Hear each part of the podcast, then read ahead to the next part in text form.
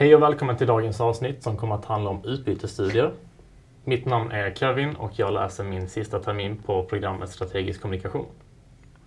Eh, jag heter Emily och jag läser också min sista termin på eh, masterprogrammet i strategisk kommunikation. Och jag heter Nathalie och jag tog ut min kandidat i mänskliga rättigheter i somras eh, och läser just nu en fristående kurs inom rättssociologi.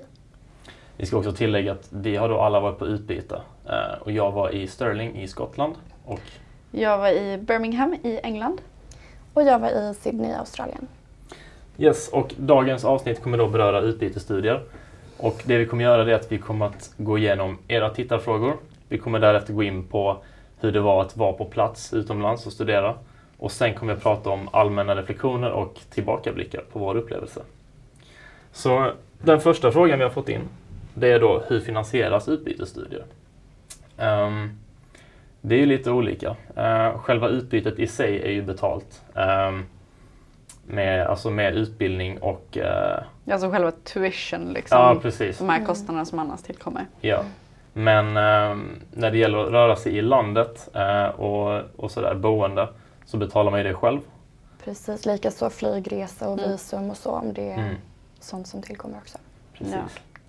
Um, så det är lite blandat. Uh, allt du behöver för att komma dit, det är, det är lite mixat. Det är då skolan, men även en själv. Mm. Yes. Um, och nästa fråga är då, vilken termin görs det här oftast? Jag tror det är lite olika beroende på vad man läser och hur många terminer man har totalt. Mm. Men i alla fall för mig, jag åkte på utbyte under min kandidat och då åkte man på termin fem.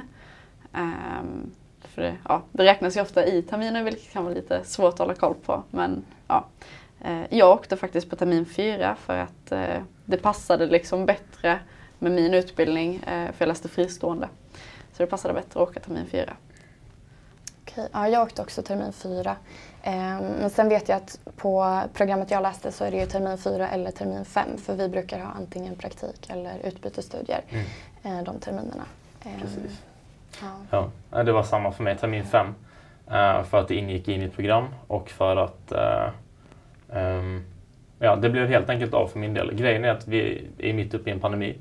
Um, vilket gör att vissa har fått åka um, lite förskjutet. Så att de, vissa är iväg denna terminen istället för förra terminen eh, då jag var borta. Ja precis, det finns ju en del som svängde på, för i vanliga fall då om man åker termin fem så har du ju termin sex med din uppsats eh, mm. innan du tar examen. Eh, jag vet en hel del som svängde på det så att de istället gjorde då uppsats först och utbyte sen. Um, och sen, alltså nu pratar vi ju om uh, en termins utbyte men det finns ju också helårs, eller då två termins utbyte. I alla mm. fall på Ekonomihögskolan har vi några sådana vet mm. jag. Och det beror också lite på var man åker någonstans. Jag vet att åker man till USA, mm, till eh, UCLA. Exakt. Ja. Eller alla det... UC, alla, hela Kalifornien. Ja, mm. då är det ett år. Ja. 12 månader precis, så det är lite längre. Precis, ja. då har man väl inte ens möjligheten att, att gå bara en termin utan Nej. då är det, två. Bara det och då är det en helt speciell antagningsprocess också. Mm. Um, jag tänker att vi kanske kommer till det med våra frågor. Ja precis, ja, men det ska vi definitivt gå in på. Um, och då undrar man ju då, vem får göra det här? Och vi har fått en fråga kring då vem som får chansen att göra det här eh, och om det är konkurrens kring det här. Um, och hur ser antagningsprocessen ut? Um, alltså, ja. Nej, kör du. Nej, men alla som läser på Lunds universitet eh, och som har det i sitt program eh, har ju rätt att åka egentligen. Ja, även om man gör som mig då läser fristående mm. så finns det möjlighet att åka. Och då vänder man sig till eh, sin huvudsakliga fakultet. Um, så för mig var det till exempel företagsekonomi. Um, och så fick jag hjälp från deras internationella avdelning. Mm. Um, sen är det väl uh, framförallt att du måste för det mesta ha uppnått ett visst antal terminer uh, och poäng uh, för att få åka iväg. Men mer än så vet jag inte, hade ni några andra guidelines liksom att förhålla sig till där? Nej, det var väl det att det ingick i mitt program. Uh, men även då att du måste ha läst x antal mm. uh, poäng innan du får åka iväg. Ja, precis. Precis. Jag tror vi mm. hade, det måste vara två terminer, mm. um, så 60 HP blev väl det. Eh, och sen måste du ha klarat eh, 30 HP innan du ens får söka från första början. Mm. Ja, precis. Mm. Så man har lite att stå på innan man skickas iväg. För att mm. Om du då hade åkt iväg utan att ha pluggat alls mm. så då, eh, då blir man lätt vilse. Liksom. Det är svårt ja. att stadga sig i ett nytt land om du inte ens har pluggat i, i mm. Sverige som är ens hemland. Då. Exakt. Um, och den här antagningsprocessen är, det är lite olika. Uh, alltså, konkurrensen är ju ganska hård på vissa ställen. Ja, det beror ju helt på vad du söker. Ja. Um, och jag vet i alla fall för oss så kunde vi välja väldigt många olika. För man väljer ju mellan då alla partneruniversitet som universitetet, alltså Lunds universitet har. Mm. Uh, I alla fall för oss så kunde vi liksom, jag tror jag rangordnade så här 8, 9, 10 skolor. Mm. Bara för att vara säker på att få någonting. Mm. Um, så det är lite som typ när man gjorde ja, gymnasievalet eller så. Ja. Att man bara listar upp. Um, för det är ju det enda sättet alltså utöver det här med poäng och så, så är det ju annars därför du kanske inte kommer iväg på utbyte. Mm. För att säga att du bara söker en skola så är det jättehög konkurrens. Mm. Um, ja. Precis, och lite det de går på i själva ansökningsprocessen är väl också ditt statement of purpose mm. eh, som man skriver, lite motivationsbrev varför man vill åka iväg. Eh, och sen kollar de väl på betyg också. Mm. mm. Det, I alla fall för oss så var det beroende på vad du söker. Så här, uh. Har de tre platser på ett visst universitet och du söker en av de tre men de andra är lediga. Mm. Då är det kvitt vilket. Alltså, då kan du få åka. Men är det liksom 25 personer som söker då går man på brevet och eh, betygen. Mm. mm. Precis, så antagningsprocessen i det stora är att du, de säger till dig var du kan åka någonstans. Um, du får då rangordna var du vill hamna någonstans, i vilket land och vilket universitet eller högskola. Um, sen så skriver man då Statement of Purpose som du Nathalie nämnde.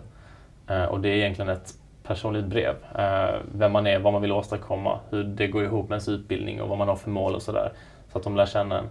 De kollar dessutom på ens betyg, eh, vet jag, och eh, även på hur engagerad man är. Så har man varit engagerad inom student unions eller organisationer inom universitetsvärlden liksom, så är det en merit eh, som mm. man kan ha med sig och som hjälper till eh, så att man får komma iväg. Um, Mm. Sen så som du sa, det beror på var man vill åka någonstans. Åker man till exempel till eh, Sydney, där du var Nathalie, mm. eh, det är ju ganska populärt att åka dit. Det är väldigt populärt att åka dit. Ja. Eh, vet du hur, hur det var för er? Var det tufft liksom? Um, ja, jag kan väl säga det var ju det var väldigt många i min klass som, som sökte utbyte. Eh, alla kom inte iväg. Um, eller det var några som fick kanske inte det förstahandsvalet och valde då med att tacka nej. Jag tror alla blev erbjudna en plats men alla valde inte att åka. Mm. Um, så det är absolut hög konkurrens uh, och jag tror att man ska lägga väldigt mycket vikt vid just det här uh, brevet. Um, och som sagt, även engagemang är ju positivt. Mm. Mm. Men där vet jag också att om man tackar nej Um, om, du kan söka fler gånger då liksom, mm. men du kommer inte vara rangordnad eller så här, prioriterad nästa gång för du har redan nej. fått en möjlighet och tackat nej till den. Så det är också viktigt att tänka på när man rangordnar. Mm. Att liksom välj verkligen det du vill åka till. Um, för när, om du tackar nej så mm. är det inte säkert att du kommer iväg nästa gång. Mm. Precis. Sen så, det beror lite på läget också. Uh, återigen, pandemin påverkade ju i alla Gud, fall hur jag valde och fler jag känner. Um, så jag tänkte jag kör inom Europa och jag kör hyfsat nära för att risken mm. att inte komma iväg var ju ganska hög. Mm. Det var många som inte kom iväg på grund av pandemin. Så jag körde Skottland för att jag tänker att det är close enough men ändå en ganska unik och rolig kultur ändå. Mm. Um, och det var jättekul, det var det. Um, men så det påverkar ju också um, hur man väljer. Absolut. Uh, och när vi ändå talar om det så har vi fått in en fråga kring uh, Brexit som är väldigt relevant inom mm. just uh, utbytesstudier. Och um, då är det hur det fungerar med att åka till Storbritannien på utbyte med tanke på Brexit och Erasmus-stipendiet. Finns det motsvarande stipendium? Uh, den är tricky den frågan och uh, det är väldigt nice att kunna lita, förlita sig på Erasmus för att det är alltid gött att ha pengar när man åker iväg. Uh, när det kommer till Erasmus-avtalen så är de, de hanteras enskilt på fakulteterna på Lunds universitet och då har eh, UK då valt att inte förlänga detta som det ser ut nu, mm. dessa samarbetena. Vilket gör att då blir man utan Erasmus tyvärr, när man åker dit. Jag kan ju säga det också att Erasmus är ett EU-samarbete. Ja. Um, där man är garanterad ett stipendium om du åker på utbyte inom Europa, eller inom EU specifikt. Och då länderna och universiteten som är med i det här samarbetet. Mm. Eh, det var därför jag valde eh, att resa inom Europa framförallt för att jag kände att jag inte är redo att liksom lägga pengar på att åka längre bort. Um, ja. ja, precis. Um, så det beror lite på var man hamnar någonstans, uh, vilken fakultet. Man måste själv hålla koll på vad som gäller. Mm. Man vet aldrig hur det blir i framtiden men just nu så ser det inte ut som att det kommer täcka UK vad gäller Erasmus. Men det finns andra stipendier. Så håll utkik efter det, sök runt, fråga folk på fakulteterna så kommer det att lösa sig. Ja, det finns ju jättemycket information att få bara genom att alltså, ja. ställa frågan. Man får ju någon form av handledare eller kontakt på din fakultet. Mm. Um, jag tyckte i alla fall det var ett väldigt bra sätt att kunna få svar på frågor om sånt här. Att vända sig dit liksom. Mm. Precis. Absolut. Um, ja, vi har ju en hel del frågor som är ganska lika. Uh, som vi har svarat på. Så hur länge man kan plugga, det är ju då, det har vi då svarat på. Det var ju ett år och en termin beroende på var man är någonstans. Exakt, Men, precis. En så, termin är väl det absolut vanligaste. Ja, Men man kan också förlänga eh, på vissa universitet. Eh, så man kanske gör en termin och känner att ah, men det här vill jag fortsätta med. Um, ibland finns det till, alltså möjlighet att när man väl är där förlänga till två terminer. Uh, så det kan man också mhm. titta på om man är nyfiken. Jag har någon kompis som gjorde det bland annat. Mm -hmm. Var var det någonstans? Um, jag tror det var i uh, Österrike. Jag är inte helt säker men jag tror det var Österrike. Så Österrike var så pass bra ja, exakt. din kompis ville stanna kvar? exakt. Right, hett tips, Österrike. ja, nej jag är inte säker men jag har för mig att det var det. Right. Det var i alla fall inom EU också. Eller ja. ja. Um, men annars det vanligaste är att åka ett halvår. Mm. Uh, eller då en termin, mm. 20 veckor. Precis. Um, det är också lite så här, man tänker ofta, ja, men på ett år är det två terminer. Um, men en termin, ja, för min det. del så blev det faktiskt bara tre månader ja. som jag var i eh, Stirling i Skottland. För att terminen började då i början på september och sen slutade i mitten på december. Mm. Ja, jag gör detsamma. Ja. Uh, det är ju för att de har tre terminer. Um, I alla fall i England så har de tre terminer istället. Så mm, då har de i Australien också. Ja. Mm. Um, och då fick vi välja att antingen åka en termin eller två terminer mm. av de tre. Men åker du två då blir det ju att du är där till typ april, mm, mars. Jag vet inte riktigt men det blir liksom skevt oavsett hur man gjorde mm. med att komma tillbaka till skolan i Sverige. Mm. Och det vet jag är en sån sak som man ska tänka på um, oavsett var man åker. Att liksom, mm. okay, hur ser terminerna ut? Kommer det vara att jag kanske behöver liksom snacka med min lärare i Sverige eller liknande för att mm. lösa det. Mm. Precis, för det kan ju också överlappa. Mm, det vet ja. jag också att jag, jag har en kompis som åkte till Slovenien mm. eh, och kom hem, ska vi säga, han kom nog hem innan terminen var slut i Slovenien. Mm. Men att hans skola fortsatte en bit in på terminen här hemma. Exakt. Och då är det dubbelt jobb, ja. i alla fall ett tag. Mm. Så det, det, är värt att planera. Kolla Precis. Absolut. Så tror jag att det hade blivit för mig om jag hade åkt under höstterminen. Men jag mm. åkte på vårterminen så jag åkte februari till juni. Mm. Eh, och då var det liksom, den pågick till sista juni. Vanligtvis slutar ja. i början på juni här i, i Lund. Mm. Mm. Ja, ja. uh, och en annan fråga vi har fått då är om uh, om man kan plugga utomlands och praktisera eller om man måste välja? Ja, eh, jag nämnde ju lite det tidigare att vårt program erbjuder ju både liksom, praktik och utbyte. Mm. Och då är det framförallt eh, termin 4 och 5. Eh, så vi hade möjlighet att göra båda delarna. Eh, och faktiskt så är vi tvungna att göra det ena eller det andra för att faktiskt kunna ta ut vår kandidat. Mm. Så det kan ju också vara värt att kolla upp lite beroende på vilket program man läser, vad kraven är. Ehm, men jag valde då att göra båda delarna så jag gjorde utbytet under termin fyra och sen praktik termin fem. Dock mm. inte utomlands men det, det är en möjlighet att göra det också. Mm. Precis, jag hade också då praktik och sen så en sommar emellan och sen utbyte. Mm. Um, men den här utbytesterminen, för vår del i alla fall, uh, det var liksom det var fria uh, kurser, valfria kurser. Uh, både inrikes och utrikes. Så man hade mm. kunnat köra um,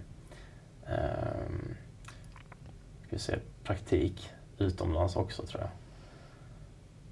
Ja, det är, mm. det är en möjlighet att läsa utomlands eller, eller ha praktik utomlands. Mm. Ja, sen finns det ju också, alltså på ekonomiprogrammet så har du en valbar termin.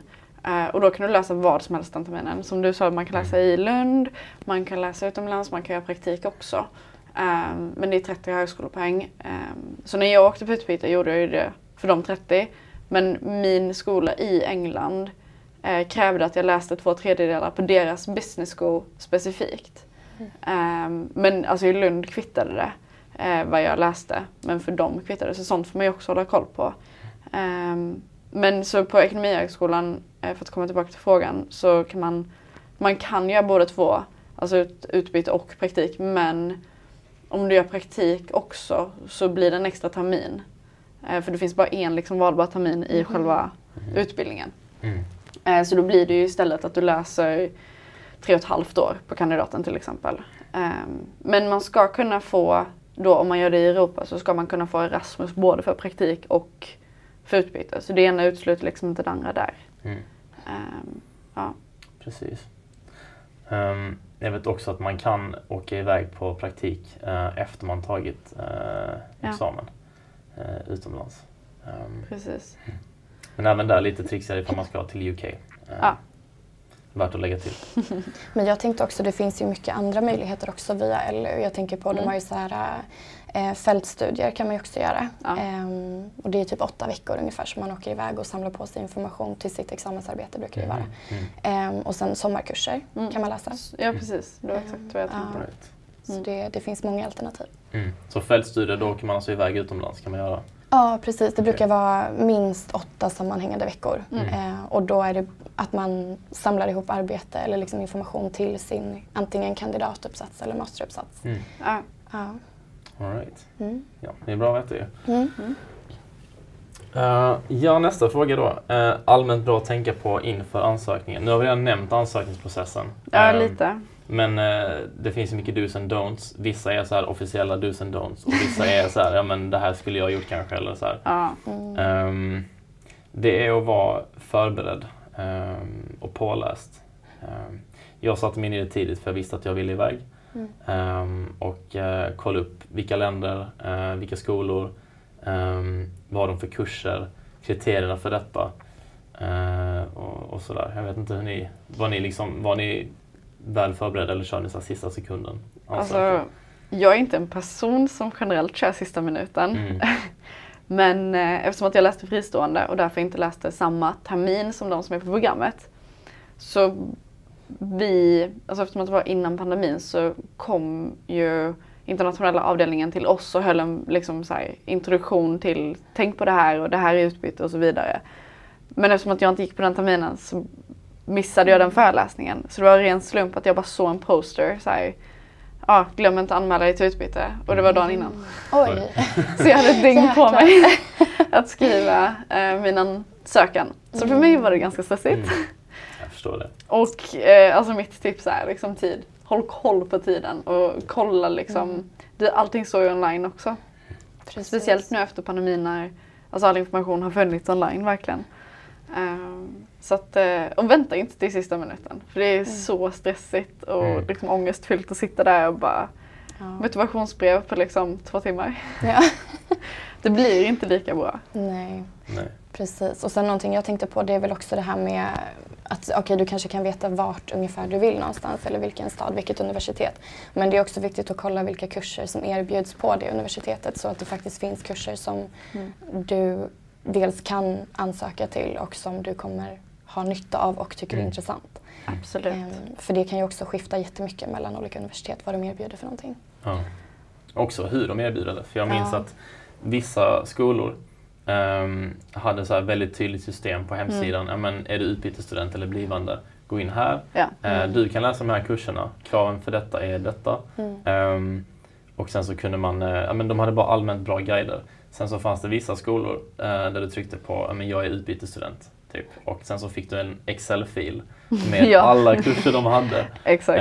och hur många poäng det var och behöriga. Så här. Det var liksom, mm. det gick inte att läsa. Så rörigt. Ja. Ja. Det vet jag också att det fanns något spanskt som jag kollade på där de under utbyteskurserna hade skrivit liksom språk spanglish. så liksom så här, du vet inte om du kommer få ta kursen på engelska eller på spanska. Och det kan vara Ja. bra att hålla ett öga på om man ska åka Ja, till ett. Absolut.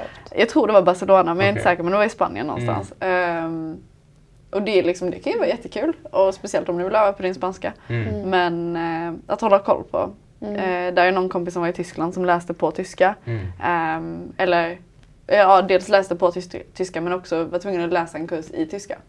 Ehm, så det finns vissa sådana krav beroende på vad man åker, om det är ett då Mm. inte engelsktalande land.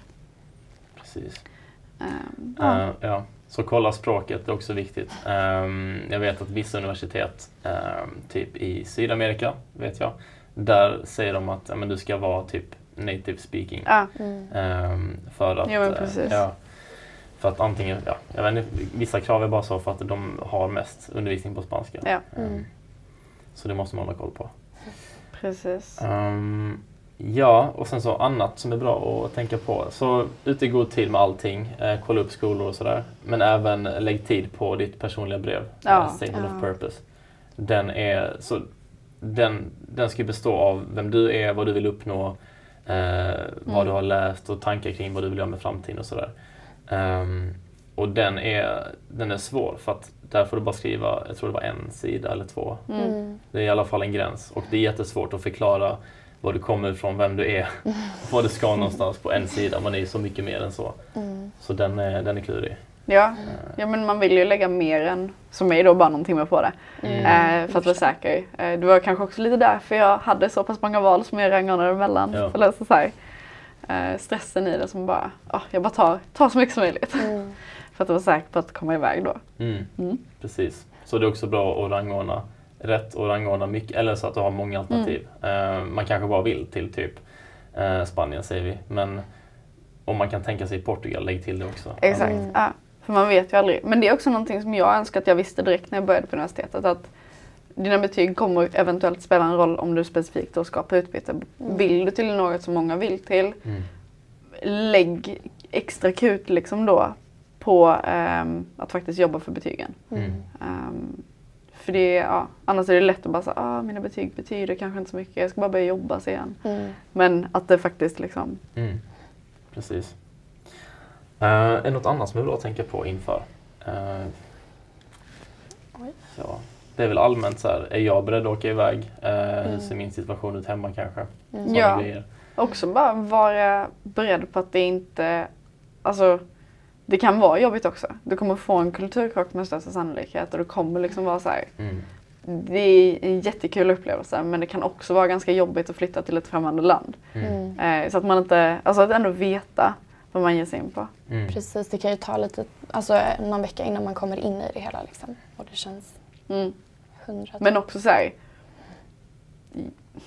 att inte vara rädd för att söka för att man typ, jag vet inte, är rädd för att inte hitta kompisar eller liknande. Mm. För det är verkligen någonting som, det, det är inte ett problem för alla utbytes, utbytesstudenter som åker till ett ställe, de åker dit liksom utan att känna någon. Mm. Så var inte rädd för att söka bara för att du kanske inte tror du kommer hitta vänner eller liknande. Det är ju samma sak till universitetet bara. Mm. Att alla som kommer nya till universitetet, det är ju, ja men man är ju liksom öppen på ett annat sätt för att hitta nya vänner för att man är i en liksom lite sårbar situation. Mm. Precis, det är ju väldigt många som är i samma situation liksom. Man är ju inte ensam om det. Mm. Mm.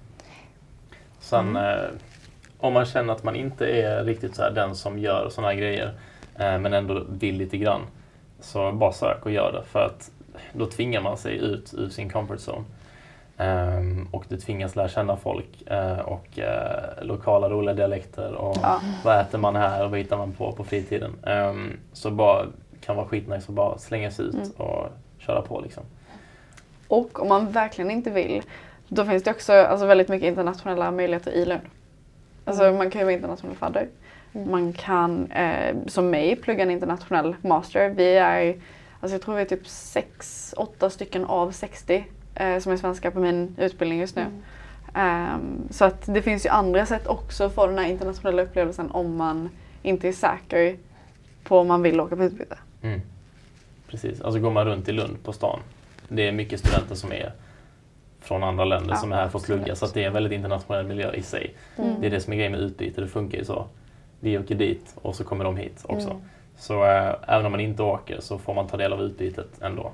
det blir ett bonus i kanten. Liksom. Jo men precis. Ja. Precis. Ehm, ja, var kan man då åka någonstans? Undrar våra följare. Ehm, det är ju över 140 länder. Jättemycket. Det beror lite på vilken fakultet man är på. Eller så. Mm. För de har lite olika utbyten eh, beroende på det. Ja. Eh, så ja, så den är jätteklurig. Det beror på var man hamnar någonstans, vad man läser. Mm. Ehm, och vad man vill. Alltså om du då har en valfri termin och du ska plugga utomlands. Eh, vill du läsa vissa grejer så kanske det eh, begränsar sig till ett visst antal länder och, Ja. och skolor och sådär. Eh, så alltså möjligheterna är nästan oändliga i alla fall. Eh, faktiskt, så det är svårt att svara på. Ja, precis. Ja, jag tror det finns över typ 500 olika universitet då Mm. totalt för Lunds universitet. Sen är det ju olika beroende på som sagt var man är eh, och vad man pluggar. Mm. Men det är ju väldigt många Precis. att välja på. Ja, verkligen. Och det finns ju mer specifik information på hemsidan också om man klickar in på varje fakultet. Mm. Ja. Så ser man ju vilka partnerskap varje fakultet har. Precis. Mm. Eh, Jag kommer ihåg att det här ansökningsprogrammet, jag har glömt vad det heter, men då var det bara en stor eh, världskarta som dök upp. Eh, där det var liksom Mm. utmarkerat, här kan du åka. Exakt. Ehm, och så bara klickade du på kartan, nej, men det här landet har de här universiteten och de här utbildningarna. Eh, så det var ju jättestor hjälp. Mm. Ehm, det är inte jättesvårt navigerat. Det känns mycket i början men man kommer in i det liksom. Ja. Mm. Ehm, ja. Ehm, nästa fråga berör boende för utbytet. Också en klurig fråga. För att det beror lite på. Man får hjälp, det får man. Ehm, Ibland. ibland. Det beror på. Fick du inte hjälp? Eh, Nej, alltså eftersom att jag bara åkte en av tre terminer så var det för kort för att vi skulle få boende via skolan. För deras typ korridor och lägenhet sånt för studenter som de hade motsvarande då eh, typ AF bostäder i Lund. mm. Ehm, de tillsatte bara boende för längre perioder. Okej. Eh, så vi fick inte hjälp mer än här är en lista på andra liksom, privata typ hyresvärdar som vi Mm. rekommenderar. Mm. Ehm, Ja. Ja, sen så... Alltså ibland så får man hjälp eh, via eh, värduniversitetet. Eh, där jag var i Skottland så hade de jättemycket boenden på campusområdet. Mm.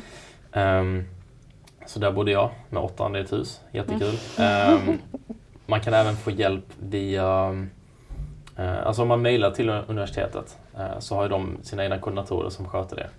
Mm. Man kan även läsa travel diaries från tidigare studenter. precis. Mm. Eh, där de säger att ja, men jag kontaktar de här eller det finns boende den här delen av stan som är billiga. Ehm, man kan alltid få hjälp någonstans. Mm. är min eh, upplevelse i alla fall. Mm. Hur bodde du? Eh, jag bodde på, alltså via, alltså det var inte på campus men det tillhörde eh, universitetets Mm. eh, bostadsområden. Gjorde det. Så jag bodde strax utanför campus men eh, i en, eh, alltså det var typ som en, eh, nästan som ett hotell. Eh, vi hade liksom reception och vi hade så här biorum och allting. Det var, Oj. ja, det var väldigt trevligt. Och väldigt dyrt var det. Men eh, ja, så jag bodde liksom i en korridor nästan med eh, fem andra personer gjorde jag. Mm. Gud vad mysigt. Mm. Ja. Ja. jo men det var det. Absolut. Mm. Nej, jag var i ett typ kollektiv Mm. med eh, tre andra. Så det var så här klassiskt brittiskt hus Mm. liksom. Heltäckningsmatta och Mm. sådana radhus som man ser överallt liksom. Ja. Ehm, och då är det liksom, ja, men bara någonting man hittade själv. Eh, Mm. visade sig att jag bodde med två andra svenskar. Så det är ju kul men det var också liksom, man blev ju lätt isolerad med de man känner då också. Mm. Ehm, men det var, alltså det var väldigt bra. Ehm, men som sagt fick lösa det själv. Mm. Ehm, men det fanns ju mycket, som du säger, annan information. Man kunde höra av sig till sin kontakt i England liksom och bara säga, har du några tips? Mm. Mm. Ehm, jag var lite före tiden med Travel Diaries. Mm. Eh, så det fanns inte så mycket sånt. Men det fanns Mhm. kontakt man kunde få med tidigare studenter. Så här att de hade klickat i att ja, nya studenter får lov att höra Mm. av sig till mig Mm. om de har frågor. Typ så. Mm. Ehm, ja. Mm. Det finns även, eller jag, jag bodde då i ett sånt townhouse också som du bodde Mm. i eh, på campus som jag sa med en massa andra. Eh, trevåningshus, gemensamt kök eh, på campus så det var, det var väldigt nice. Mm. Också väldigt dyrt. Ja. Ehm, men ehm, ja, det, det löser sig ofta. Man får vara kreativ. Jag vet folk kollar på Airbnb och sånt Ja. också. Ja. Eh, kan man göra. Mm. Um, Sådana grejer. Så det gäller att vara kreativ och Ja. ute i god tid. Alltid nyckeln. Jo men verkligen. Precis. Ehm, Sen löser det sig oftast och det, det kan ju också vara ganska lätt att hitta boende på plats Ja. om man vågar vänta så länge. Ehm, kanske inte skulle rekommendera det, jag vet inte, jag vågade inte göra det. Nej. Ehm, men eh, det kan ju också bli lite billigare om man gör så, mm, vet jag. det är sant. Mm. Ja. Det är väl bara en personlighetsfråga Ja, egentligen. precis. Verkligen. Ja.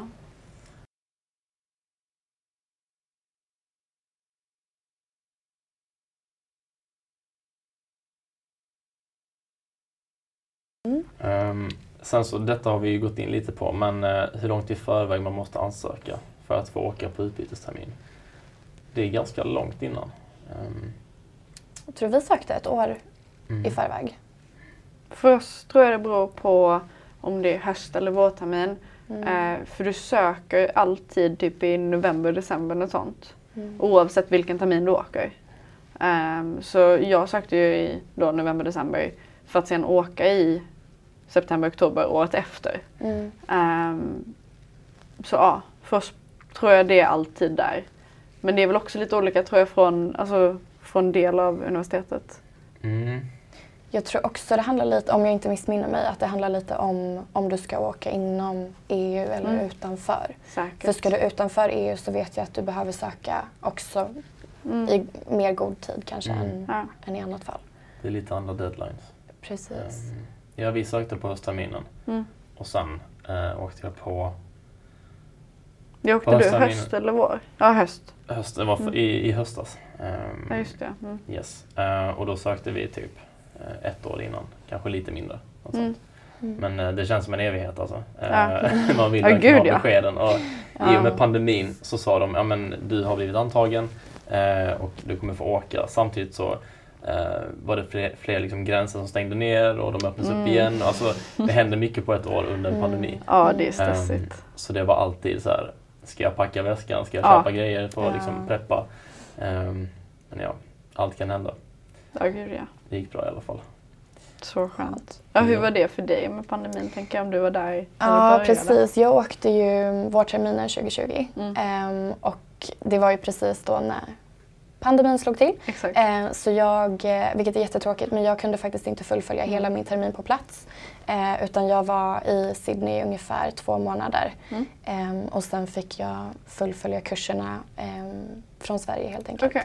Mm. Eh, och det var ändå ganska bra upplägg där. Jag tror vi kommer sen till hur studierna och så såg ut. Mm. Men att vi fick, eh, jag tänker det är väldigt tidsskillnad i, från Ja. Australien och hit. Men det var Mm. ingenting Just det. liksom, eh, utan allt var förinspelat och sådär. Så att vi kunde liksom, Gud vad smidigt. ja. Jag hade en tenta hade jag, Ja. Oj. under natten. Ehm, typ så här mellan ett och fyra. Ja. Så det var lite Oj. jobbigt. Men eh, i övrigt Ja. så funkade det bra. Så Ja. det, pandemin påverkade ju verkligen mina Mm. eh, utbytesstudier. Mm. Så det var ju synd. Men Ja. Det är vad det är. Det är lite skumt att du fick åka hem. Jag tänker att när man väl är där så är man ändå en del av befolkningen på något sätt. Liksom. Men det vet jag också kompisar som var typ i Singapore och så som också fick åka hem där efter Ja. några månader. Det var väldigt mycket fram och tillbaka. Bara, ah, ska ni stanna? Ska ni åka hem? Liksom. Och sen, Precis. ja, Men jag tror de landade i att om man kunde fullfölja utbildningen eh, Ja. på distans så rekommenderade de att man skulle Exakt. åka hem. Det var ju också så himla Mm. osäkert med vad. Alltså vad var pandemin liksom? Mm. Ja. Det var innan man visste någonting så det var så här bara, ja ah, svenskar snälla kom hem. Precis, ja. Mm. ja. Ja, ehm, vad har vi mer för kuligheter? Um, hur mycket man bör spara ihop innan man åker Ja just det. har vi fått in också. Eh, Det är jättesvårt att Det är jättesvårt. Jättesvårt att säga en exakt summa. Ja. Jag har ingen aning vad jag sparade. Alltså mm, när man väl visste att man skulle på utbyte var det ju klart att man hade en liten annan tanke på att spara pengar. Mm. Eh, men då som man om, alltså, som vi gjorde, åker inom EU, får Erasmusbidrag, man får CSN, man får eh, man kan söka utökat CSN så att man får extra just på sin utbytestermin också. Mm. Eh, jag tror jag nästan gick pl- plus minus noll. Mm. Kanske lite minus. Eh, för att man ändå reser lite när man är på utbyte. Mm. Men alltså, jag tyckte det var en ganska bra liksom, jag vet inte, grund att stå på när man åkte på utbytet. ja. Ja, ehm, jag sparade inte upp jättemycket för jag visste att jag hade CSN och Mm. eh, Erasmus då för min del. Eh, men det är dyrt i UK. Mm, Eh, det är det. Och eh, jag åkte på utbyte för dels för studierna men också för att kunna uppleva landet, Mm. träffa folk, eh, låta dem guida mig liksom i deras hemland. Mm. Och eh, det kostar att resa, Mm. ehm, upptäcka städer, eh, vara med på evenemang och sådär. Mm. Eh, så att det, det är alltid bra att spara pengar oavsett om man inte ska åka, man ska alltid spara pengar. Ja. Ehm, så jag skulle nog sparat mer. Det gick bra men eh, det hade varit gött att ha lite extra pengar också. Ja. Ja, verkligen. Och det jag kan säga, det var, jag kunde inte söka Erasmus Mm. eh, i och med att jag var utanför EU. Ehm, men som sagt, det finns ju andra stipendium att söka. Jag gjorde inte det av någon anledning som jag inte kan förklara idag. Ehm, men eh, ja, CSN blir ju lite tajt kanske. Eh, Ja. Enbart om man Absolut. inte har stipendium eller Mm. sparpengar så. Ehm, Mm. Jag kan ju säga att nästan hela min hyra gick ju åt, Ja. eller hela CSN gick åt hyran ungefär. Mm. Ehm, så det kan ju absolut vara positivt att ha någonting, ha en extra buffert liksom. Mm. Ja. Jo, speciellt när man alltså, flyttar utomlands. Man vill ju ändå Ja. inte... Man vill ju ändå ha någonting att ta sig hem på också. Liksom. Mm. Lite så. Men sen beror det ju jättemycket på vad man vill göra när man är där. Exakt. Mm. Så är man bara där för studierna så klarar man sig absolut på CSN. Men vill man som Resa. sagt resa runt eller Mm. hitta på massa grejer så Det blir lite svårare då. ja. För att återkoppla till en annan eh, Mm. fråga som vi hade tidigare. Ehm, man åker iväg efter att ha varit student här ett tag. Ja, Vilket i det här fallet är positivt ifall det är knapert med pengar. För du måste lära dig överleva som student först. exakt. Ja. Eh, och sen kan du åka iväg till ett dyrt land och sen så lär du dig, okej, pasta är rätt billigt. Ja. Pasta pesto typ. ja, men typ. Ehm, så eh, det är inte bara studierna man, man preppar med utan det är även bara survival liksom. Ja. Känns Men det som. tycker jag är, alltså återigen, det är klart att det inte är kanske proportionerligt men man får ju Erasmus, det finns tre olika nivåer att få beroende på hur dyrt landet du åker till är. Så för England då, Mm. eller ja, hela UK, UK, så är, eller i alla fall var det eh, det högsta Erasmusbidraget. Och sen får du ju 70% innan eller när du åker. Och sen får du 30% när du kommer tillbaka. Så de är lite sneaky. Mm. Att så här, du får inte hela summan förrän du har kommit tillbaka så får man göra typ ett så här, ja men det är ett litet språktest för att de typ vill se att du inte har blivit sämre på engelska medan du varit i England till Ja. exempel. Mm. Ehm, men ehm, så det är ju lite så här, man måste ju kunna hantera pengar också för du får 70% av ditt stipendium innan du åker ens. Mm. Så man måste ju planera lite. Mm. Det är inte så att du bara, ah, shit jag har skitmycket pengar nu. Mm. Uh, gött. Ja, men ja, ja, det var verkligen en boost när man fick CSN och, eh, och stipendiet Ja. då från Erasmus. Jag bara, ja men det här kommer gå bra liksom. och sen så, eh, så ehm, alltså jag hade också utökat CSN så jag fick Mm. lite extra pengar. Men sen så när det här första eh, stipendiet var slut, eller delen av stipendiet, Ja. då blev det tufft. Eh, och de mejlade de jag bara, när får jag tillbaka, eller när får jag resten? Och de bara, ja men du måste komma hem och avsluta dina studier och Mm. sådär. Ja. Och jag bara, ah, okej. Um, Gött. köpa pasta liksom. Ja. Ehm, men ja, man får vara smart. Och sen så har man tur. eh, I mitt kollektiv, där var alla väldigt generösa. Eh, man kunde låna Ja. matvaror av varandra om man inte hade någonting där och då. Mm. Mm. Eh, så det var grymt. Det var Mm. väldigt bra. Ja. Jag kom på en annan grej också angående CSN. Ehm, man kan ju söka alltså, lån för alltså typ flygresa och visum Ja. och sånt också. Mm. Det är liksom en separat och då får du ju det innan eh, du åker Mm. iväg på utbytet. Så det kan ju Mm. också vara värt att tänka på ifall man är är intresserad sant. av det eller behöver det. Ja, Sökte du det till Jag sökte för flygbiljetten, Mm. gjorde jag. Mm. det känns ju ändå rimligt. Ja, Ja, speciellt till eh, Sydney. Det är ju ja, ganska kostsamt att flyga. precis. Ja. Eh, Jag vet inte vad jag betalar till... Men du kan ju betala, alltså några hundra spänn kan du komma till, Ja. till UK liksom. Mm. Men jag tänker så här, du kanske inte drar ett Ryanair om du eh, ska ha med dig liksom packning för ett halvår. Nej, Det känns lite risky. men folk, Ehm. folk skickar ju också så här kartonger som ja, det är efter, liksom. sant. Mm. Det är Såna precis grejer. sant. Jag hade en mamma och en syster som ville resa själva dit liksom. Så jag bara, ah, eh, ta med detta, detta, detta. Ja, nu börjar det bli vinter här och jag behöver en jacka. Typ Mm. så.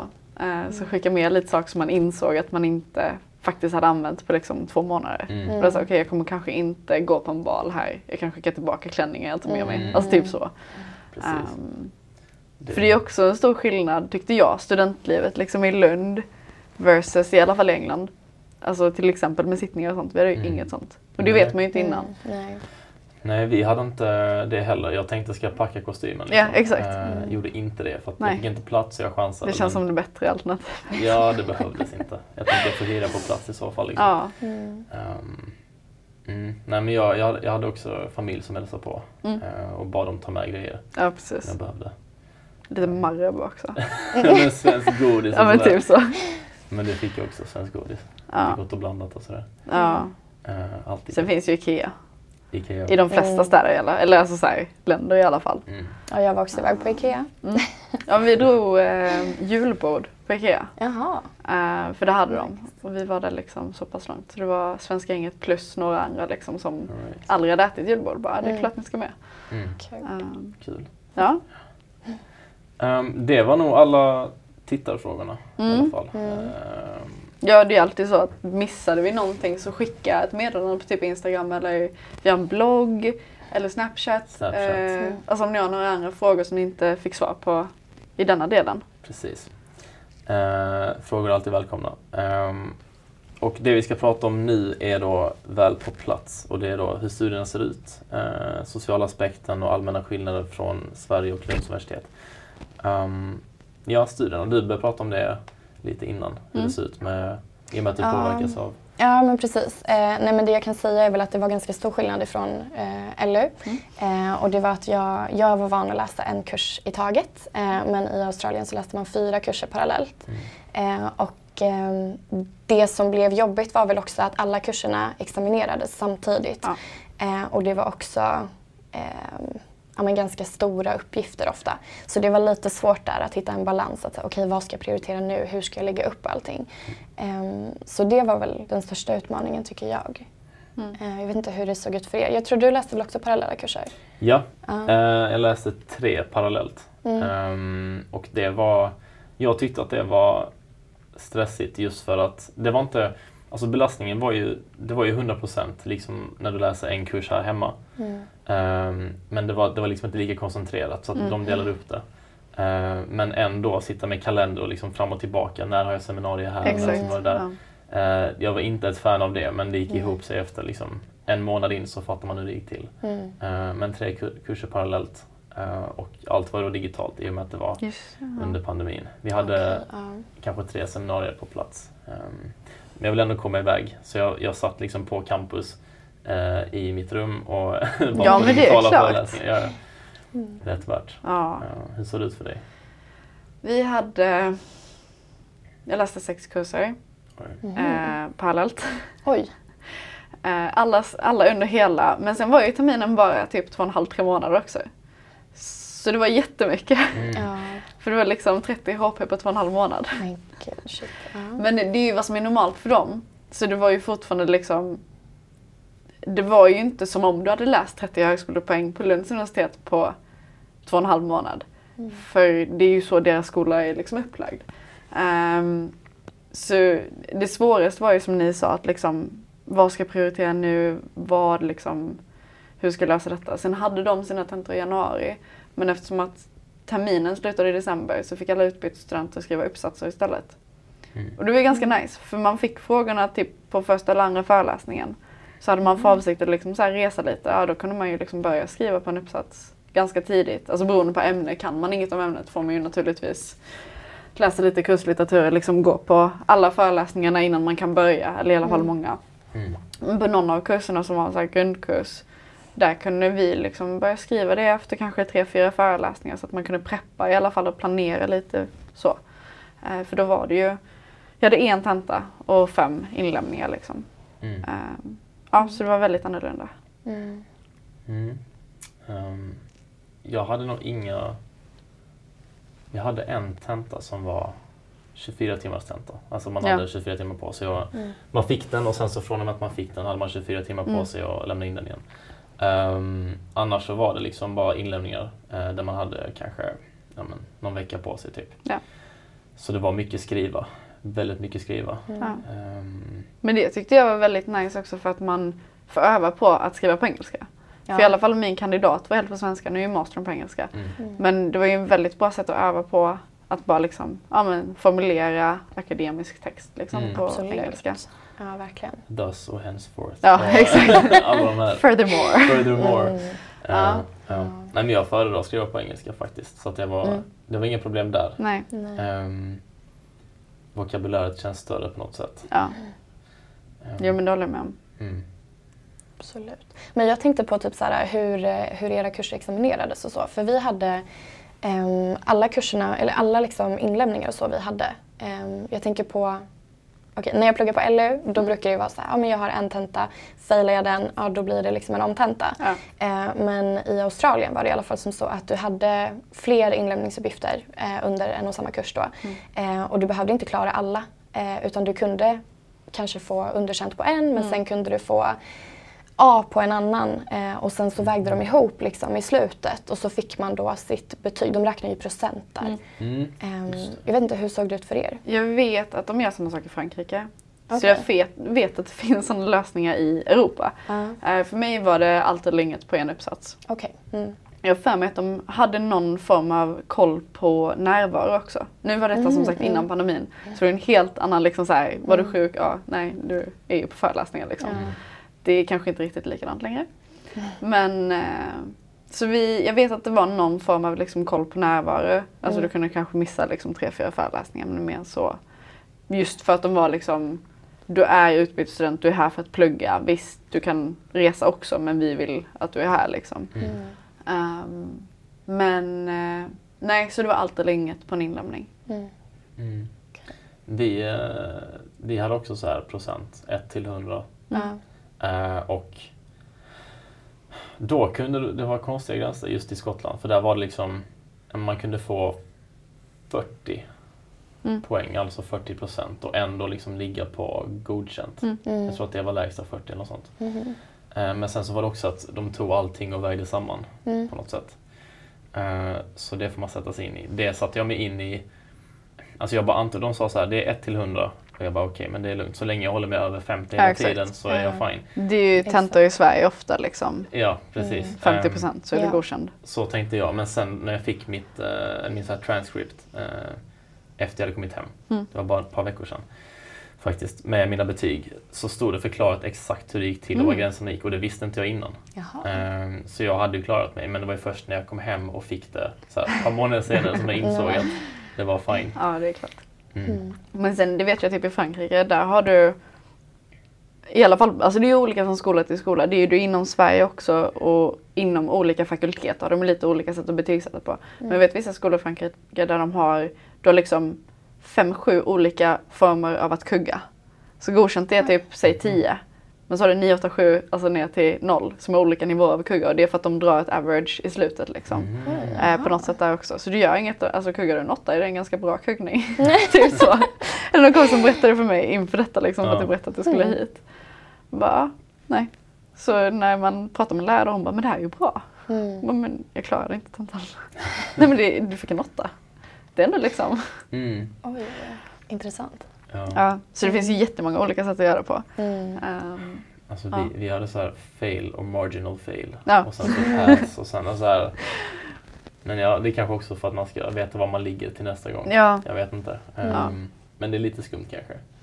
i alla fall om man kommer från Sverige. Ja. För här Ja. har vi liksom, standarden är ju typ 50% så är du godkänd. Mm. Eh, vissa liksom, tentor som man har är det ju högre på, eller lägre för den delen. Mm. Men eh, att man ändå har något som är standard. Mm. Så kommer man till ett nytt land Mm. och en ny skola där de bara helt annat på allting. Ja. Ja. Eh, sen så har jag också, då när jag pratade med de jag bodde med i Skottland, för de var från eh, USA och Skottland och Irland och så här. Ehm, de sa att ehm, det beror lite på var man är någonstans. Så det kan skilja Mm. sig från skola till skola inom samma land, hur hårda de är, var man drar gränserna. Ja. Vilket är väldigt intressant. Mm. Ehm, så vissa är det inte så noga med. Och vissa Nej. är väldigt så här, elitistiska skolor liksom. Där det är mycket högre krav. Ja. Så det, det diffar ju också såklart. Mm. ja, men sånt är ju jätteolika. Ja. Ehm, sociala aspekten som är superviktig och också en del till varför jag åkte i alla fall. Mm. Eh, hur, hur var det för er? Eh, nej men vi hade någonting som kallas för O-week eller Orientation Week och det är typ som en eh, alltså universitetsnollning Mm. skulle man väl kunna säga. Ehm, så det var första veckan när man kom dit. Jag tror den började veckan innan studierna eh, började och så höll den på i ja, strax över en vecka, en och en halv, något, sånt. Ehm, och vi ehm, ja, men gjorde aktiviteter. Det var ju liksom för alla utbytesstudenter. Vi, eh, vi var på sightseeing, vi bowlade. Karaoke är en jättestor grej i Australien. så det var många karaokekvällar. Ehm, men det var också liksom, ja, så poolpartyn och um, ja, men massa olika aktiviteter för att man skulle ja, men dels se staden och eh, komma bekanta sig med campus. Ehm, och ja, men skaffa vänner helt Mm. enkelt. Så vi hade, vi hade det. Jag antar att ni hade något liknande kanske? Ja. Eller ja, nu var det ju corona för dig då. Ja, just det. Ja, fast vi hade ändå... Alltså okej, det lät väldigt nice med poolparty men ja, det hade Man- inte vi. vi hade inte det i Skottland. Ehm, Förstår. Men det vi hade det var också liknande orientation eh, week. Det Mm. var det hette Freshers Week och det var liksom eh, en vecka, kanske lite mer, där man kunde köpa biljetter till evenemang. Mm. Och då var det typ klubbar, det var eh, quiz night, kanske Ändå trots liksom, Ja. pandemin så. Just med Skottland så var det så att på bussar och inomhus i butiker, Mm. eh, affärer, liksom, eh, bibliotek, inne på skolan, då var det munskydd som gällde. Okej. Mm. Ehm, gick du på klubb så behövde du inget munskydd. Eh, Det är ja, ett personligt val. precis, ja men det var lite så. Sen så grejen var att de skulle kolla ens covid pass och sånt. Ja, okej. Det gjorde Mm. de väldigt sällan. Mm. Eh, men vi hade ändå evenemang. Eh, men då var man tvungen att man testade sig hela tiden. Mm. Ehm, så man skulle på en klubb på campusområdet då, där jag bodde. Då var man tvungen att göra ett sånt- här antigentest, snabbtest, Mhm. eh, som man fick hem gratis från skolan. Mm. Och så visade man upp det här bekräftelse-smset och så fick du komma in. Så det var ju ändå bra. Men, Det vet jag inte om jag gjorde i alla fall i Nederländerna i höstas Ja. också. Mm. okej. Så det, det är ett bra system men jag vet att det, är- det är ju inte 100 procent. Nej. Eh, många Ja. fejkar de smsen för att de inte Ja. pallar ta testa sådana grejer. Mm. Men det är ändå, alltså om man pratar till det sociala, så är det väldigt skönt att det fanns möjlighet att liksom... Definitivt. Mm. Ehm, jag var på en del sådana evenemang. Men sen så eh, Sterling var också ett uh, University of Sterling är, ett, eh, det är en idrottsskola. Så de Ah. har över hundra olika social clubs typ. Och då är det så här, Ja. Eh, alltså idrottslag, det kan vara liksom eh, grejer som eh, politiska Mm. organisationer. Det kan vara eh, typ Nordic, eh, Nordic Society, Mm. sådana grejer. Eh, och, men oavsett vad det var för typ av society så var alla välkomna ändå. Liksom. Mm. Ehm, så jag valde att spela lacrosse, testa på det. Det var kul. Ja, så det var, det var väldigt kul. Ja. Um, aggressiv sport, man är ofta blåslagen. Ja. Men eh, det var just för att jag ville komma in i någon typ av gemenskap. Eh, Ja. För jag Mm. bodde ju med folk, jag umgicks med dem. Men sen så är det även mitt lag. ja, det är Eh, klart. ja, och vi spelade matcher tillsammans, tränade två gånger i veckan. Mm. Hade aktiviteter, eh, kanske ja, men pubrundor, klubbar, sådana grejer. mm. Fundraiser, quiz night. Eh, Mm. Väldigt kul. Eh, så det var det la jag väldigt mycket tid på, Mm. just de aktiviteterna. Ja, men vi hade också sådana liksom, klubbar och typ eh, societies. Mm. Ehm, vi hade också Nordic Society. Ja. Ja. Ehm, var med i den. Ja. det var lite kul. De anordnade någon, eh, såhär, ja men vi fick kanelbullar och mjölk någon gång. så såhär svenska grejer. Ehm, och sen eh, det som var väldigt kul med, med liksom sådana, det fanns ju en för utbytesstudenter, det fanns, alltså det fanns ju massvis med olika så jag var med i flera stycken. Mm. Ehm, men vi hade ändå där vi fick åka och surfa. Så Oj. det var jättehäftigt så vi fick liksom Wow. en betald surflektion. Ehm, Svinkul. Jag lyckades stå på den. Wow.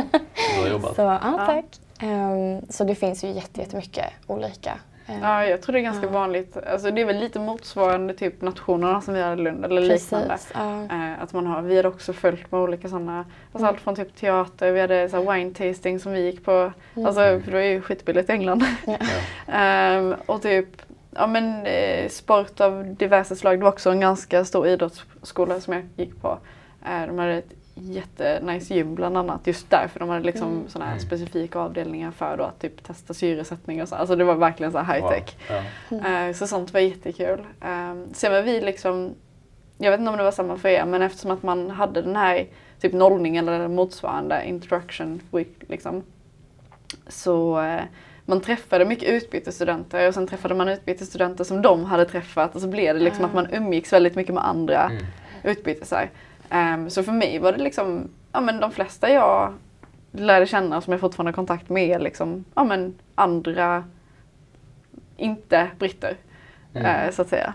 Jag vet inte om det var samma för er?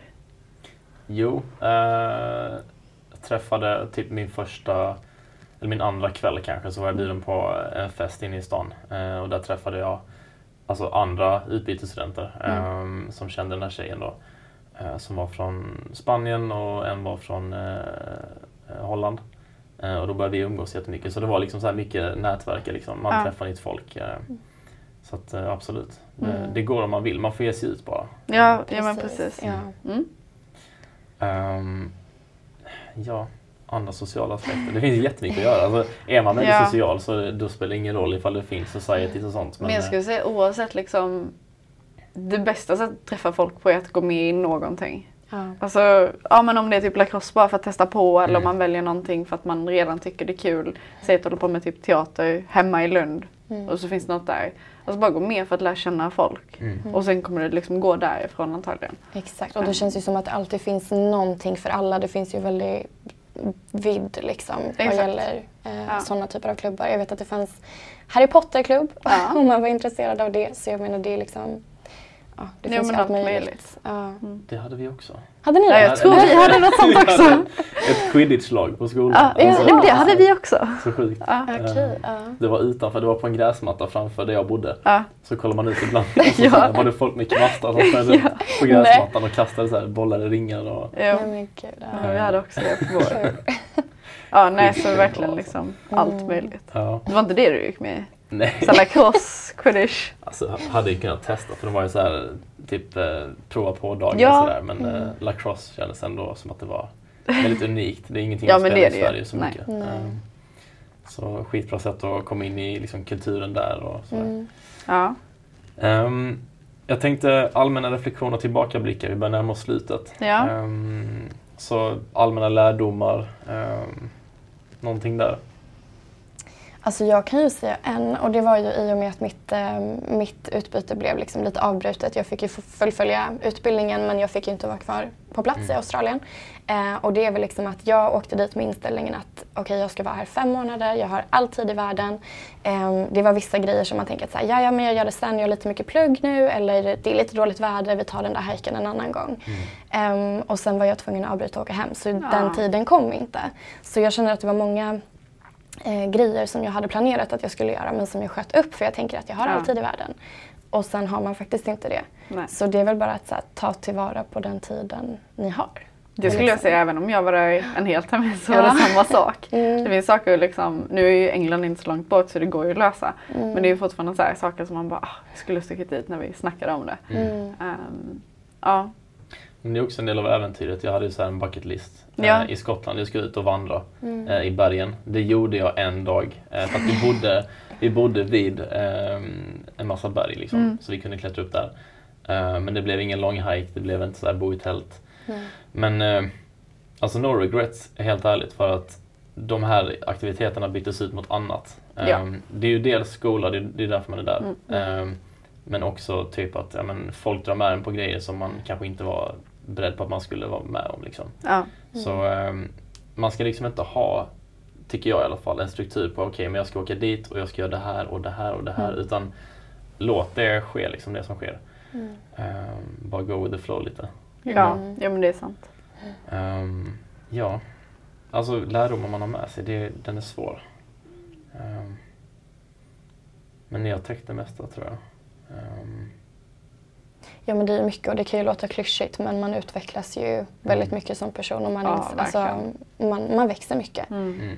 ehm, faktiskt genom att Ja. åka iväg på utbyte.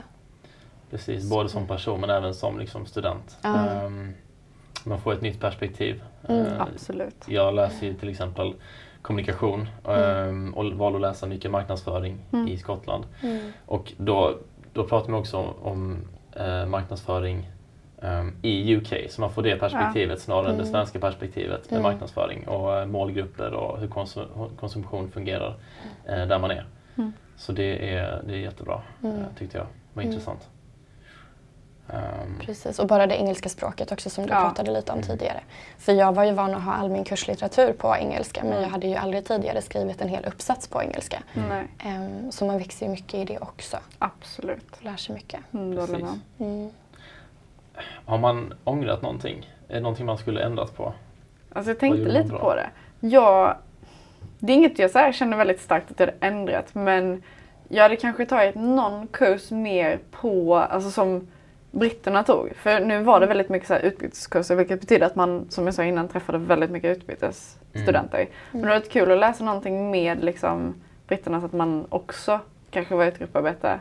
där och lärde känna någon som kunde visa en runt i Birmingham till exempel. Mm. Men nu var det ju väldigt mycket andra utbytesstudenter så att vi å andra sidan utforskade allting själva liksom, fick ett annat perspektiv. Men så det är det jag menar, att det, det är kanske inget som jag känner så starkt att ah, det här ångrar jag. Men det hade varit ett kul alternativ liksom. Mm. Ja, nej, jag, jag tror inte jag ångrar så mycket faktiskt. Um, allting ledde till någonting annat som var väldigt så här, kul ändå. Uh, ja. Lite äventyr och sådär. Um, någonting man gjorde bra när man var där. Ja, men det var väl just att man liksom engagerade sig och var med i någon society och att man var tog chansen att vara social fast mm. man kunde ja. tekniskt sett sitta hemma hela dagen ja, i och med att det var mm, digitalt. Mm, det uh, så våga liksom. Uh, det är ofta man Alltså just i Skottland, dialekterna är ganska grova och svåra att förstå så det var ofta man inte förstod äldre människor. Uh, ja, men det är, det är, ändå kul. Mm. Sitta och mm. snacka med en taxichaufför eller som berättar om sitt liv på jättegrov Scottish English. Liksom. Um, men ja, allt är bara kul. Ja. Sådana grejer. Um, mm. Ja, nej men ett tips är väl också att här, försöka ha en bra balans mellan just det här sociala och, ja. eh, och plugget. Mm. För det känner jag, om man ska gå tillbaka lite till så här, ångra-delen, eh, att jag, eh, jag tyckte det var lite svårt att ställa om från hur jag var van att plugga mm. här till hur jag skulle plugga i Australien. Ehm, så jag känner att i början så hade jag inte direkt någon jättebalans utan jag känner att så här, jag la kanske lite mer tid på plugget. Jag säger inte att man inte ska plugga för det ska man absolut göra. Mm. Men det är också väldigt viktigt att ha den här balansen och absolut. det här sociala. Och jag önskar att jag hade kommit in i det eller att jag hade hittat den balansen lite tidigare. Mm. Um, sen är det inte så att det påverkar det jättemycket. Men det är väl någonting som mm. man kan försöka strukturera upp eller liksom ja. planera ganska Det är tidigt. någonting också som är ganska nice. Um, många i alla fall fakulteter i Lund, när man har varit på utbyte, istället för att säga att du fick ett jag vet inte, C i en kurs. Eh, så skriver de in det i det svenska systemet bara enligt godkänt och underkänt. Mm. Eh, så det kvittar vilka betyg du får när du är på utbyte. Ofta. Inte mm. alltid, men ofta. Mm. Eh, för att det bara blir godkänt och underkänt i det svenska systemet. Mm. Ehm, så oavsett om du fick ett A eller ett D liksom, så är du godkänd på kursen och det är allt som betyder något. Mm. Precis. Um, ta det seriöst för att Um, ja, jo naturligtvis. Man ska alltid ta det seriöst. ja. Sikta på E. Ja, precis. Gör så lite som möjligt. Nej. Ja, man ska hinna men det är just balansen du pratar om. Den är väldigt svår. Ja, men, men det går, det är överkomligt. Uh, ja. Men grejen är att du ska... Den här, för mig, jag fick ju välja vad jag, vad jag ville läsa, vilka kurser. Och då valde jag att nischa mig uh, in i marknadsföring. Ja. För att det är det jag vill jobba med. Mm. Um, och om du då inte tar vara på det du nischar in dig på. Nej men uh, precis. Ja. Då då skjuter man sig själv i foten. För sen på arbetsmarknaden så är det ju väldigt attraktivt att ha varit utomlands ja. och att du har liksom kunnat läsa. Ja men att ha kompetensen när ja. du läste för att lära dig. Liksom. Mm. Exakt. Alltså det är ju klart att det är väldigt viktigt att ta del av den utbildningen du får när du är där. Jag tyckte det var en helt fantastisk möjlighet att läsa annat än vad mm. man kan läsa. Alltså jag läste en kurs i eventplanering. Ja. Mm. Så här, det finns inte i Lund. Nej. Nej. Alltså typ, eller typ så här, forensisk psykologi. Mm jag som kommunikatör. Bara så här, okay. Nej, men, mm. Så det är en väldigt fin liksom, möjlighet att läsa andra saker också tycker mm. jag. Ja, och det är ju klart att man ska läsa det då. Mm. Um, men just för den här balansen att komma mm. ihåg den. Liksom. Precis. Um, ja, mycket, mycket gött snack, mycket bra information. Ja. Um, jag tror att vi är, vi är färdiga där. Uh, om ni inte har något mer att tillägga, något sista tips? Um, sök, spara pengar, ja. våga det är kul. söka. Ja. ja precis, våga söka. Ja. Det är väl det som är min så här framförallt. Mm. Um, ja. Precis. Utnyttja chansen när man ändå har den. Precis. Jag vet folk som säger att de, de läste kandidaten i Lund uh, och uh, åkte inte iväg mm. och ångrade. Så Mm. ta tillfälle i akt. Mm. Ja men verkligen. Och Och- allting löser sig Ja. faktiskt. Ja. också. Och liksom, är det någonting vi missat nu så bara hör av er på typ Instagram eller Snapchat och fråga. Eh, det finns verkligen typ inga dumma frågor när det kommer till utbyte. Speciellt om du är osäker på någonting. Mm. Mm. Ja. Precis. Och eh, mer info om just utbytesstudier finns då på lu.se slash studera slash internationella bindestreck möjligheter slash utbytesstudier. Ehm, om ni vill ha mer information ifall vi missar någonting idag. Annars så finns vi som sagt på sociala medier. Ja. Ehm, tack för oss. Hoppas att eh, vi ser er här i höst eller längre fram I korridorerna. i korridorerna ehm, och att ni tar chansen och söker utomlands.